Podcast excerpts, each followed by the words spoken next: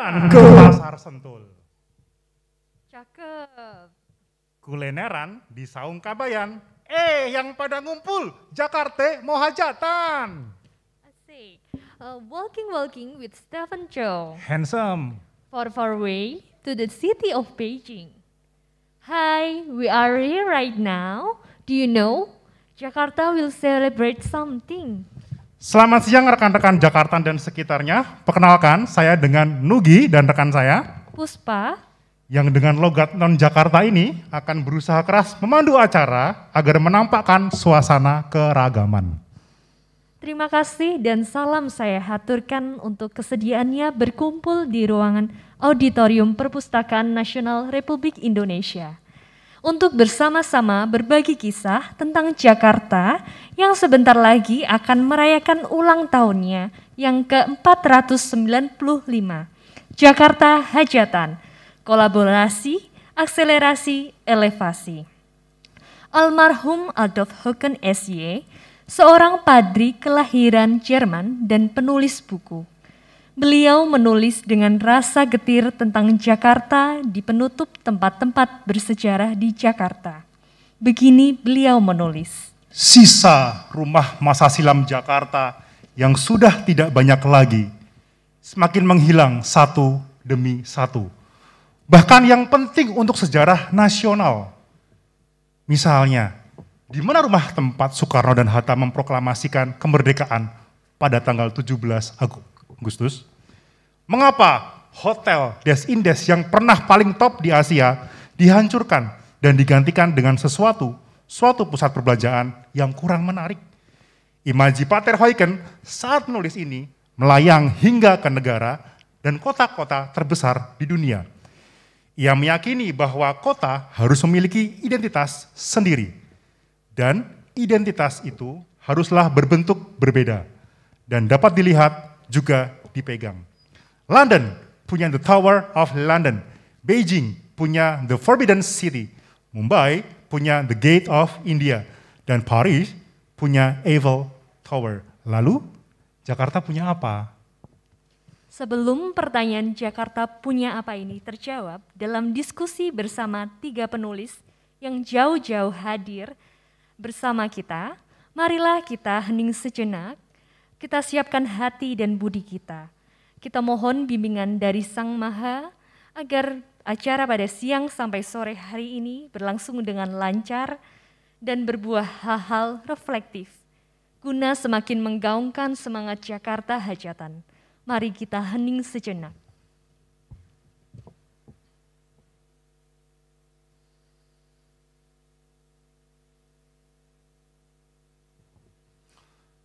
Terima kasih.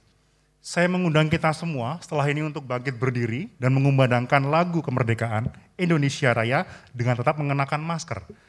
Saya panggil rekan kami, Freddy Pararak, untuk memimpin lagu Indonesia Raya dan setelah itu mengajak kita semua untuk menyanyikan lagu Lenggang Lenggang Kakung, lagu khas dari Jakarta. Kepada Bapak Freddy Pararak, kami persilahkan untuk, oke Pak Freddy silakan. Karena untuk pertama kalinya Peripus mengadakan acara offline, kita mencoba juga musiknya offline. Izinkan saya bermain musik.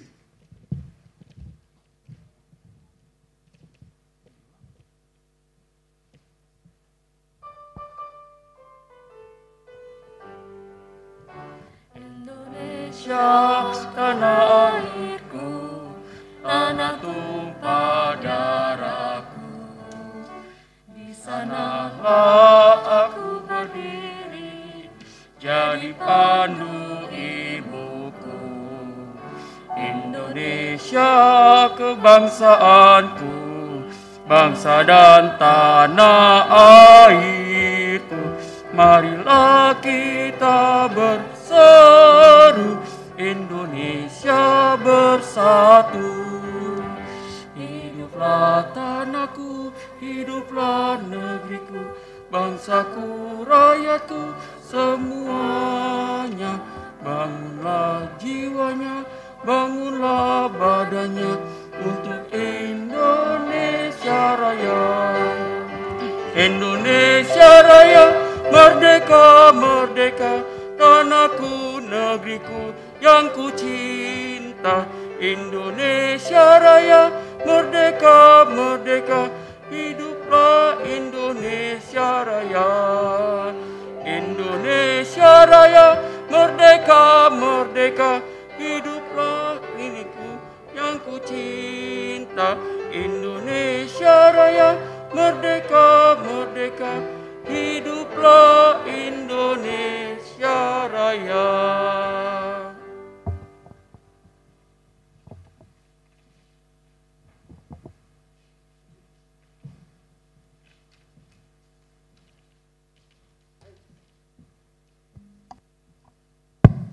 Baik, setelah lagu kebangsaan kita nyanyikan salah satu lagu khas Betawi Lenggang Kangkung teksnya bisa dilihat di layar.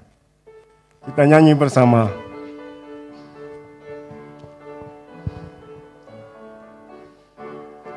Lenggang, lenggang kangkung, kangkung rasanya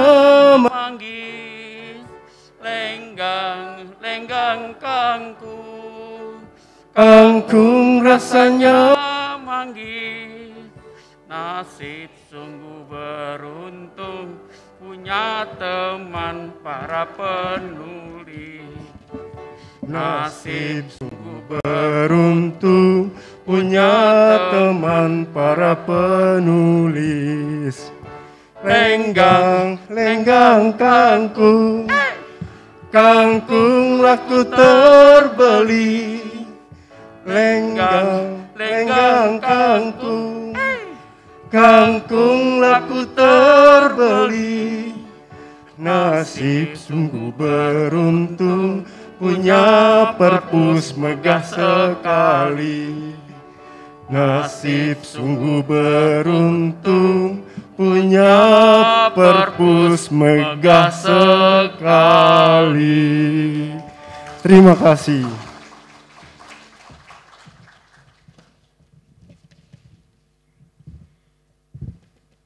Hadirin dipersilahkan duduk kembali. Terima kasih Pak Freddy dan Pak Binu.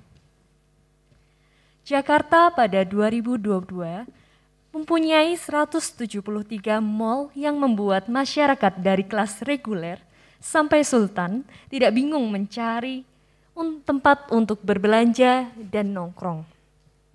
Jakarta juga sudah menempati peringkat 12 dunia dalam jumlah gedung pencakar langit. Ada lebih dari 100 pencakar langit dengan tinggi lebih dari 150 meter dan 42 gedung dengan tinggi lebih 200 meter. Dan satu lagi, Jakarta juga punya Jaksel yang isinya anak-anak level sultan muda dengan selera dan gaya hidup staycation dan healing hampir tiap akhir pekan. Pun tidak lupa di area Jaksel ini bertumbuh beragam toko-toko buku yang diminati anak-anak generasi digital native dan young millennials guna mengisi diri dengan bacaan-bacaan fiksi dan non-fiksi kelas dunia. Good Readers Choices, Editor Speak, New York Times bestseller, dan rekomendasi lainnya.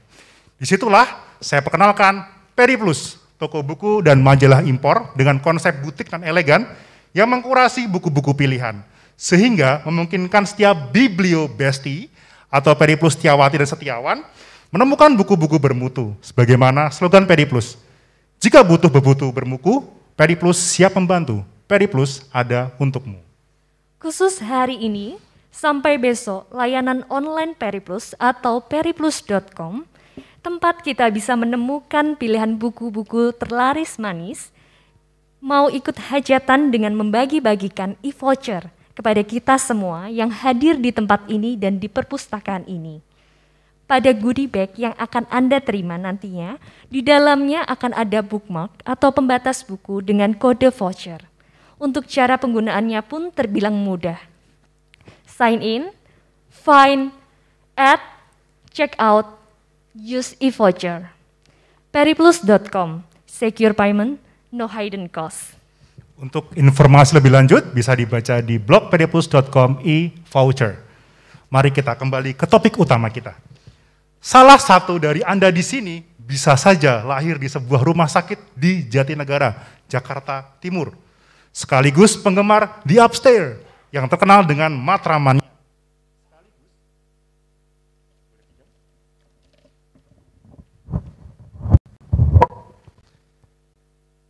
Sekaligus bekerja sebagai barista di salah satu tempat ngopi paling bonafit di Kemang. Saya menyelipkan kata-kata which is di hampir setiap kalimat. Saya hanya ingin bilang satu hal.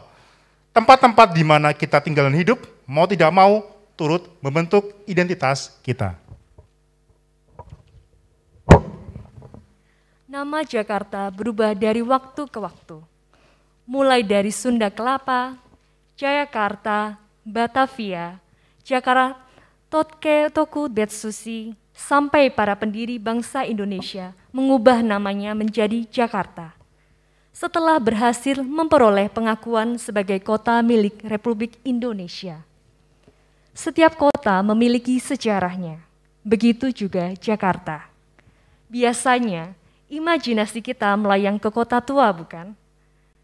Untuk membantu generasi digital natives Jakarta memahami identitasnya, maka beberapa orang tergerak untuk menyediakan media tempat akar bertumbuh. Buku Sejarah Jakarta untuk Remaja.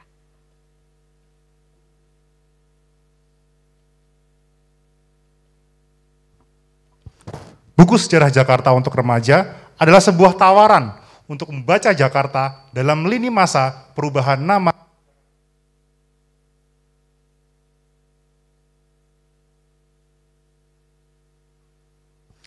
yang utama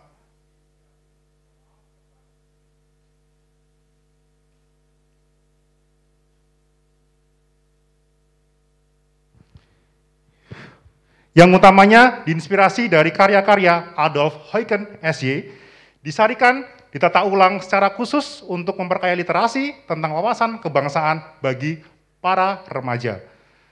Dengan delapan fitur, buku sejarah Jakarta ini, khusus untuk remaja, diyakini memberi gagasan dan pengetahuan mencakup lingkup geografis dan historis Jakarta, guna semakin kandas, semakin tandas para remaja mengetahui siapa dirinya, Semakin seseorang mengetahui siapa dirinya, semakin besar pula kemungkinan ia memberi kontribusi pada lingkungannya. Peta konsep. Ada fitur peta konsep yang menjelaskan kata-kata kunci yang perlu diingat dan dipahami dalam setiap bab. Dengan demikian, kita akan memiliki gambaran menyeluruh tentang setiap bab dalam buku ini. Lini masa. Ada pula kilasan sejarah Jakarta dalam buku ini yang terangkum dalam lini masa. Peristiwa-peristiwa sejarah penting terkait dengan Jakarta sudah tersaji dalam lini masa tersebut. Semoga tahun-tahun penting tentang perkembangan Jakarta jadi lebih mudah untuk diingat. Kolom catatan pinggir. Ada kolom tempat banyak foto ilustrasi disertai keterangan. Informasi tambahan disajikan dalam kolom-kolom di pinggir halaman. Selain itu ada juga kolom kosong memang sengaja untuk disediakan bagi para pembaca menambah catatan sana dan di sini. Yang menarik adalah ada infografis. Disajikan pula infografis tentang Jakarta yang dapat ditemukan di setiap bab di bukunya. Harapannya, informasi dalam infografis ini membantu kita melihat keunikan sejarah kota Jakarta. Misalnya, VOC. Pada masa kejayaannya, tahun 1637, katanya, dan secara fakta terbukti, Ternyata valuasi VOC itu setara dengan 20 perusahaan papan atas mulai dari Apple sampai Netflix. Menarik bukan? Box informasi tambahan. Terdapat box informasi tambahan untuk menampilkan serpihan peristiwa menarik dalam alur sejarah yang disusun secara kronologis dan direfleksikan untuk di, kemudian ditulis secara sistematis. Fakta asyik. Di dalamnya kita juga menemukan fakta dan informasi lengkap tentang apa yang terjadi dalam sejarah Jakarta berupa kode QR yang berisi tautan video. Dalam video-video tersebut, kita akan menemukan fakta dan informasi lengkap tentang apa yang terjadi dalam sejarah Jakarta. Yang terakhir, aktivitas. Dan sebagaimana dikhususkan dalam visi besar buku ini, Pendidikan dalam Literasi, maka dilengkapi fitur aktivitas untuk dikerjakan bagi pembaca, agar setiap pembaca semakin mengenal wilayah Jakarta. Bagi yang tertarik untuk memiliki buku ini, di luar ruangan sudah disiapkan booth khusus tentang buku sejarah Jakarta untuk remaja. Semakin dekatlah kita dengan pertanyaan awal. Jakarta punya apa? Yang pasti, Jakarta punya beragam jenis perpustakaan dan secara fisik berdiri sebuah bangunan megah perpustakaan Nasional Republik Indonesia ini. Saya undang untuk maju ke depan Ibu Emiati Tangke Lembang selaku Direktur Deposit dan Pengembangan Koleksi Perpustakaan Nasional Republik Indonesia. Kepada Ibu Emiati Tangke Lembang kami persilahkan.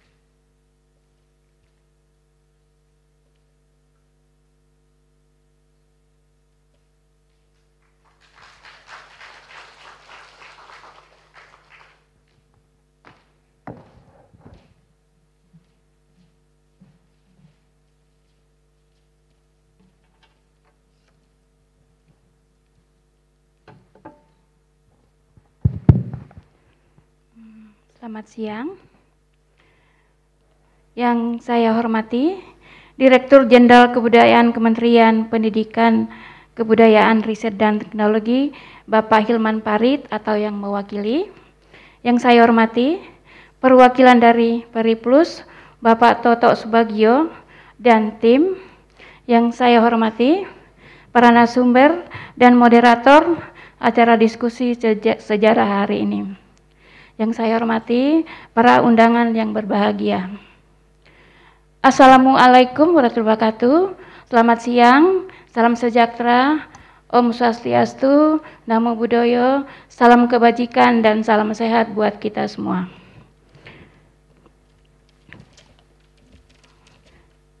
Saya mewakili kepada Perpustakaan Nasional Republik Indonesia dan segenap keluarga Perpustakaan Nasional mengucapkan Selamat datang dan terima kasih kepada para hadirin yang telah hadir mengikuti acara diskusi sejarah 495 tahun Jakarta Sejarah dalam Visual. Kami sangat berbahagia menjadi tuan rumah acara ini sekaligus menjadi bagian dalam rangkaian kegiatan peringatan HUT ke-495 Kota Jakarta. Dalam kesempatan yang berbahagia ini, marilah kita mengucapkan rasa syukur kepada Tuhan yang Maha Kuasa karena berkat dan izinnya lah pada hari ini Senin tanggal 25 Juni 20 Juni 2022 kita semua dapat hadir dan berkumpul bersama untuk mengikuti kegiatan dalam keadaan sehat walafiat. Bapak Ibu yang saya hormati.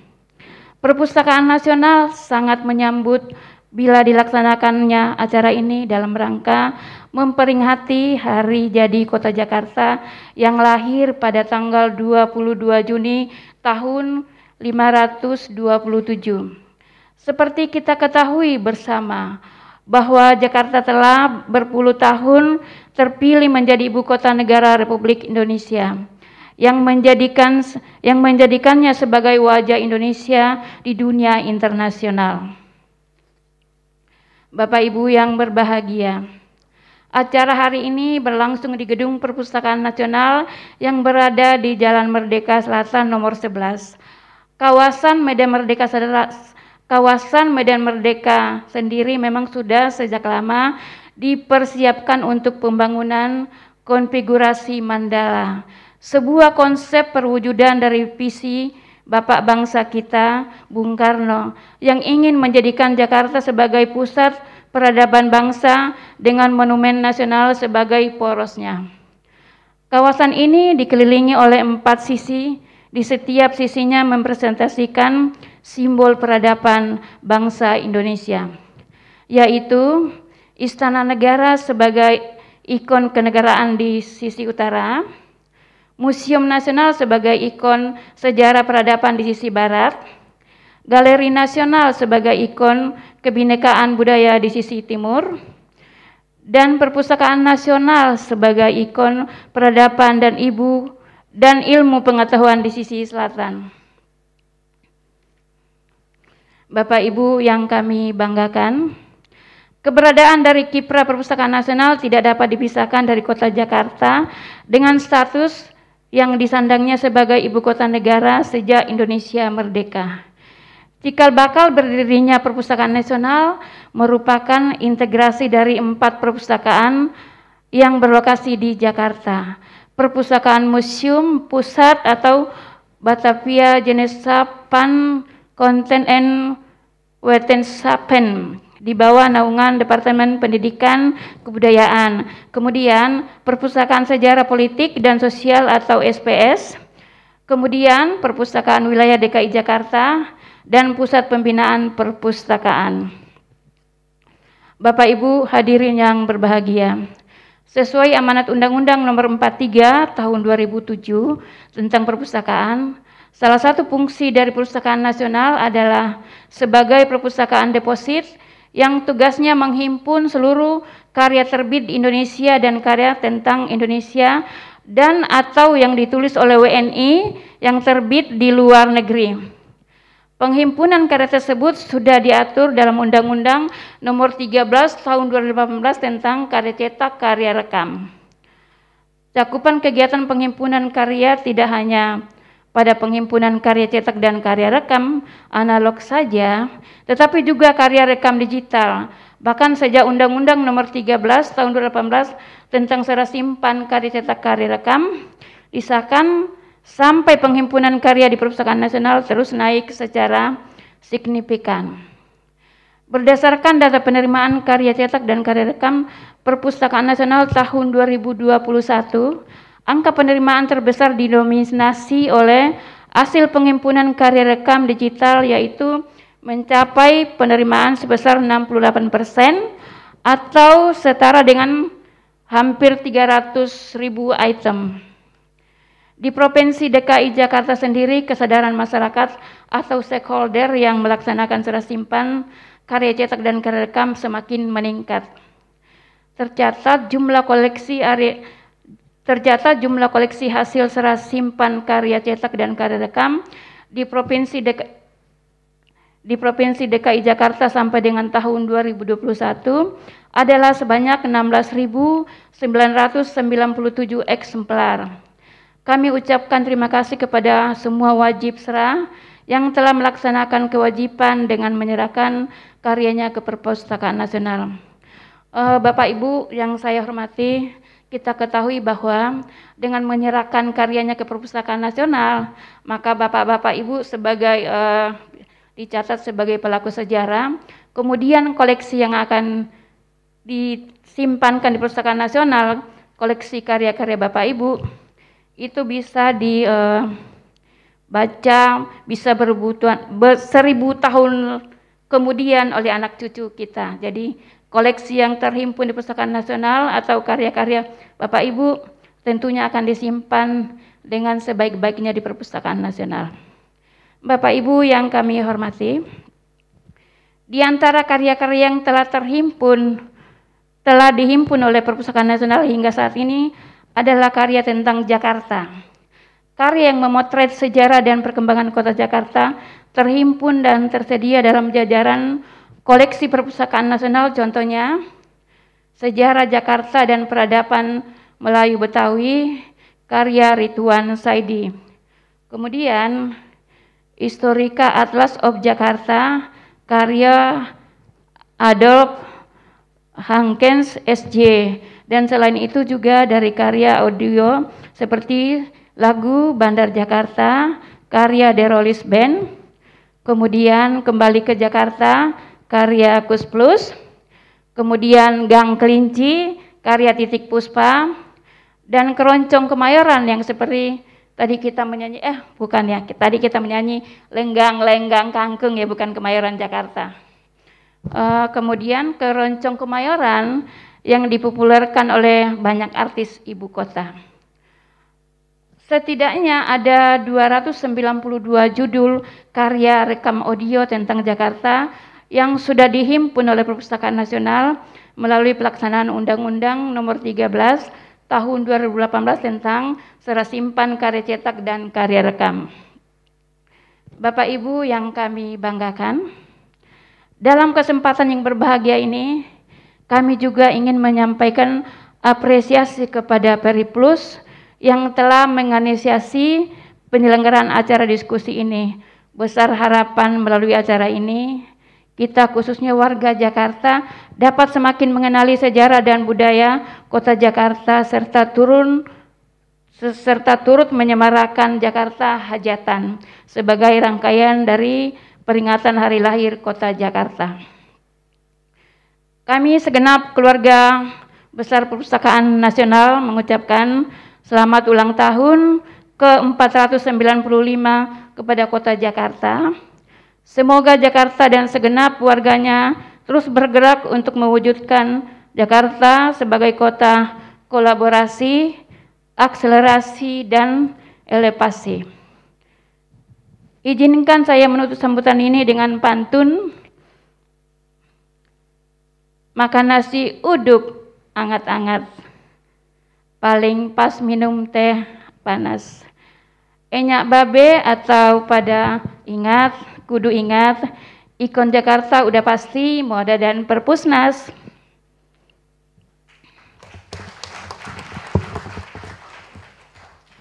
Pergi ke Rawamangun naik bis kota, jangan lupa bawa kartu aksesnya. Selamat ulang tahun buat Jakarta, semakin bahagia dan maju warganya. Demikian yang dapat saya sampaikan. Selamat berkegiatan dan terima kasih. Assalamualaikum warahmatullahi wabarakatuh. Selamat siang, salam sejahtera dan salam sehat buat kita semua.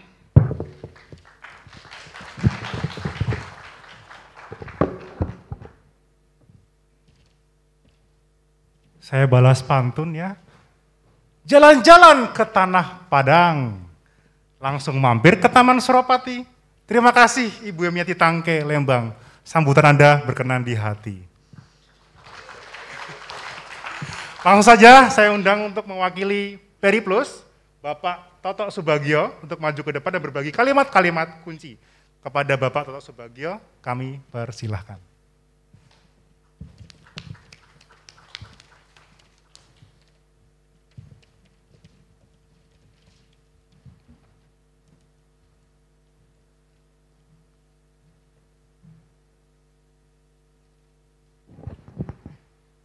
Terima kasih untuk waktu yang diberikan. Yang saya hormati Ibu Emiati Tangkelembang, juga para narasumber, Mr. Sven, Bapak Raditya, Bapak Moderator, Bapak Yeri, Mr. Scott, dan tentu saja juga Bapak Yudo Swiji, selaku Managing Director di Periplus. Selamat siang dan salam pustaka. Sungguh merupakan kehormatan bagi kami Periplus diberi kesempatan untuk bekerja sama dengan pihak Perpusnas. Terlebih dengan event pada siang hari ini. Terima kasih Ibu telah berkenan support kami. Dan untuk memeriahkan ulang tahun Kota Jakarta yang ke-495, pada event kali ini kita menghadirkan para penulis yang berbobot Bukan saja karena buku-buku mereka itu begitu berat-berat gitu ya, yang ditata di sana itu tadi kalau tiga atau empat buku di, uh, dijadikan satu, itu lumayan sekali ya. Bukan saja karena itu, tetapi terlebih karena bukunya berkualitas.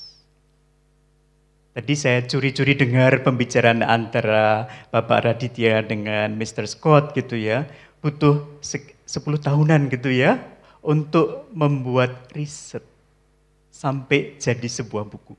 Jadi kredibel, sangat kredibel sebagai sebuah referensi. Adapun tema yang kita angkat pada siang hari ini adalah sejarah dalam visual. Kita tahu kata visual itu dari uh, bahasa Latin, akar katanya videre, berarti melihat, berarti mengamati, berarti mengobservasi. Memang pada siang hari ini kita akan diajak oleh para narasumber untuk melihat sejarah kota Jakarta dari angle yang berbeda-beda, dari lensa yang berbeda-beda. Nanti kita akan uh, lihat itu karena masing-masing memiliki pendekatan yang unik. Kita diajak untuk melihat betapa dinamisnya Jakarta dahulu sampai dengan hari ini.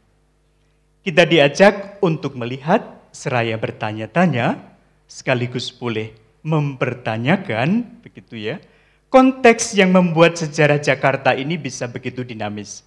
Itu apa ya? Nah, berbekal buah-buah refleksi tadi, kita diajak berani juga untuk memfisikan Jakarta di masa mendatang. Kata visi, sebagaimana kata visual, akar katanya sama. Videre, berarti melihat, berarti memandang. Intinya kita ajak, diajak untuk berani mengimajinasikan atau bahkan mengontemplasikan secara bagaimana sih Jakarta bisa menjadi lebih baik kian hari Bukan hanya pada tampilan fisik di permukaan, tetapi lebih dari itu adalah pada tataran yang lebih dalam, tataran adab, tataran budaya. Sejarah yang dinamis masih dan sedang berlangsung hari ini, saat ini. Maka dengan kapasitas kita masing-masing, diharapkan kita semua berkontribusi sebagai pelaku sejarah secara proaktif. Coba bayangkan setengah abad lagi. Generasi saat itu akan menilai fragmen sejarah saat ini secara bagaimana. Semuanya berpulang pada niat baik dan kesungguhan ikhtiar kita untuk menorehkan sejarah Jakarta menjadi lebih baik. Akhir kata, atas nama tim dari Periplus, kami ucapkan selamat berbagi narasi, seraya membuka hati dan budi untuk melihat segala sesuatu dengan lebih jernih dan jeli. Terima kasih. Terima kasih untuk Bapak Toto Subagio. Karena tidak ada pantun, saya tidak berlas pantun ya. Takutnya mau pantun pakai bahasa Latin masih harus berpikir keras nih dengan kata-kata videre Videre ya mas ya? Eh kok mas pak? Atau sebagai videre artinya melihat. Terima kasih untuk sambutannya, silakan. Sebelum kita masuk ke acara inti, saya akan membacakan tiga tata tertib secara ringkas. Semua yang hadir mohon untuk menjaga protokol kesehatan dengan mengenakan masker sepanjang acara berlangsung. Para hadirin diperbolehkan mengambil foto dari tempat duduk masing-masing. Para hadirin dipersilahkan untuk mengajukan pertanyaan sesuai arahan moderator. Dan langsung saya panggil moderator kita pada siang hari ini, Bapak Dr. Yeri Wirawan, yang sudah 8 tahun sejak September 2014, 2014, beliau menjadi pengajar di Universitas Sanata Dharma, Yogyakarta. Kecintaannya pada sejarah mengantar beliau ke EHES, Prancis untuk mendalami sejarah dan kebudayaan. Kajian beliau tentang Malaysian Image in Indonesian Media Prior to Konvertasi Era Desember 1962 dimuat dalam Journal of the Inter-Asia Cultural Studies Society terbitan Routledge, Taylor, and Francis Group. Kepada Bapak Dr. Yeri Ram, kami silakan untuk maju ke depan.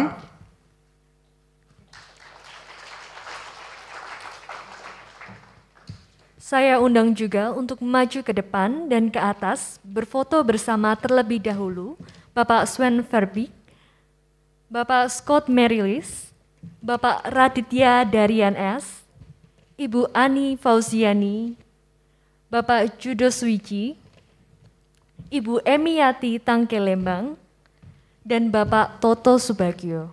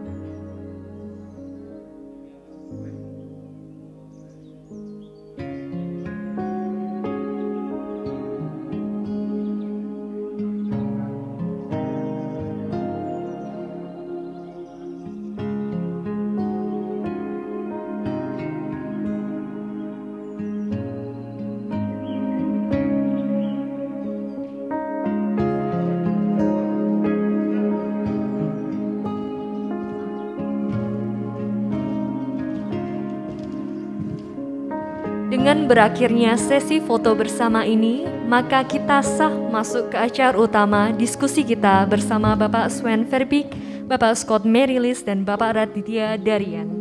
Kepada Bapak Yeri, kami persilahkan untuk lanjutkan.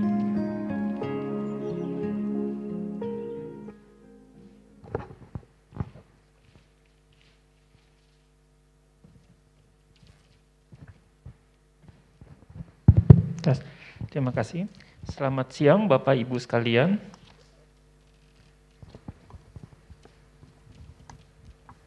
Sungguh berbahagia kita semua bisa berkumpul hari ini dalam kondisi sehat walafiat. Siang ini kita akan berdiskusi tentang sejarah Jakarta dalam uh, bentuk visual menyambut ulang tahun ke-495 Kota Jakarta. Saya Yeri Wirawan di sini akan berperan sebagai moderator. Jakarta seperti tadi telah disinggung uh, di pengantar memiliki sejarah yang panjang. Sudah banyak buku yang ditulis terkait sejarah kota ini. Namun masih banyak masih belum banyak yang menceritakan kisah kota ini dari sudut visual. Ketiga penulis yang hadir di hadapan kita, dua datang dari negeri yang jauh, uh, akan berbagi pengetahuan dalam penulisan sejarah ini. Berikut ini saya akan bacakan sedikit profil singkat para pembicara Pertama, uh, Bapak Scott Mariles itu lahir di Melbourne, Australia, dan lulus dari Universitas Melbourne itu tahun 1984. Uh, menekuni pada saat itu akuntansi dan uh, bahasa dan studi Indonesia. Lalu kemudian belajar bahasa Indonesia di high school dan di universitas di Australia dan kemudian sempat juga studi di Satya Wacana Kristen University di Salatiga dan kemudian bekerja di Jakarta selama 27 tahun. Jadi sangat mengenal kota Jakarta pastinya.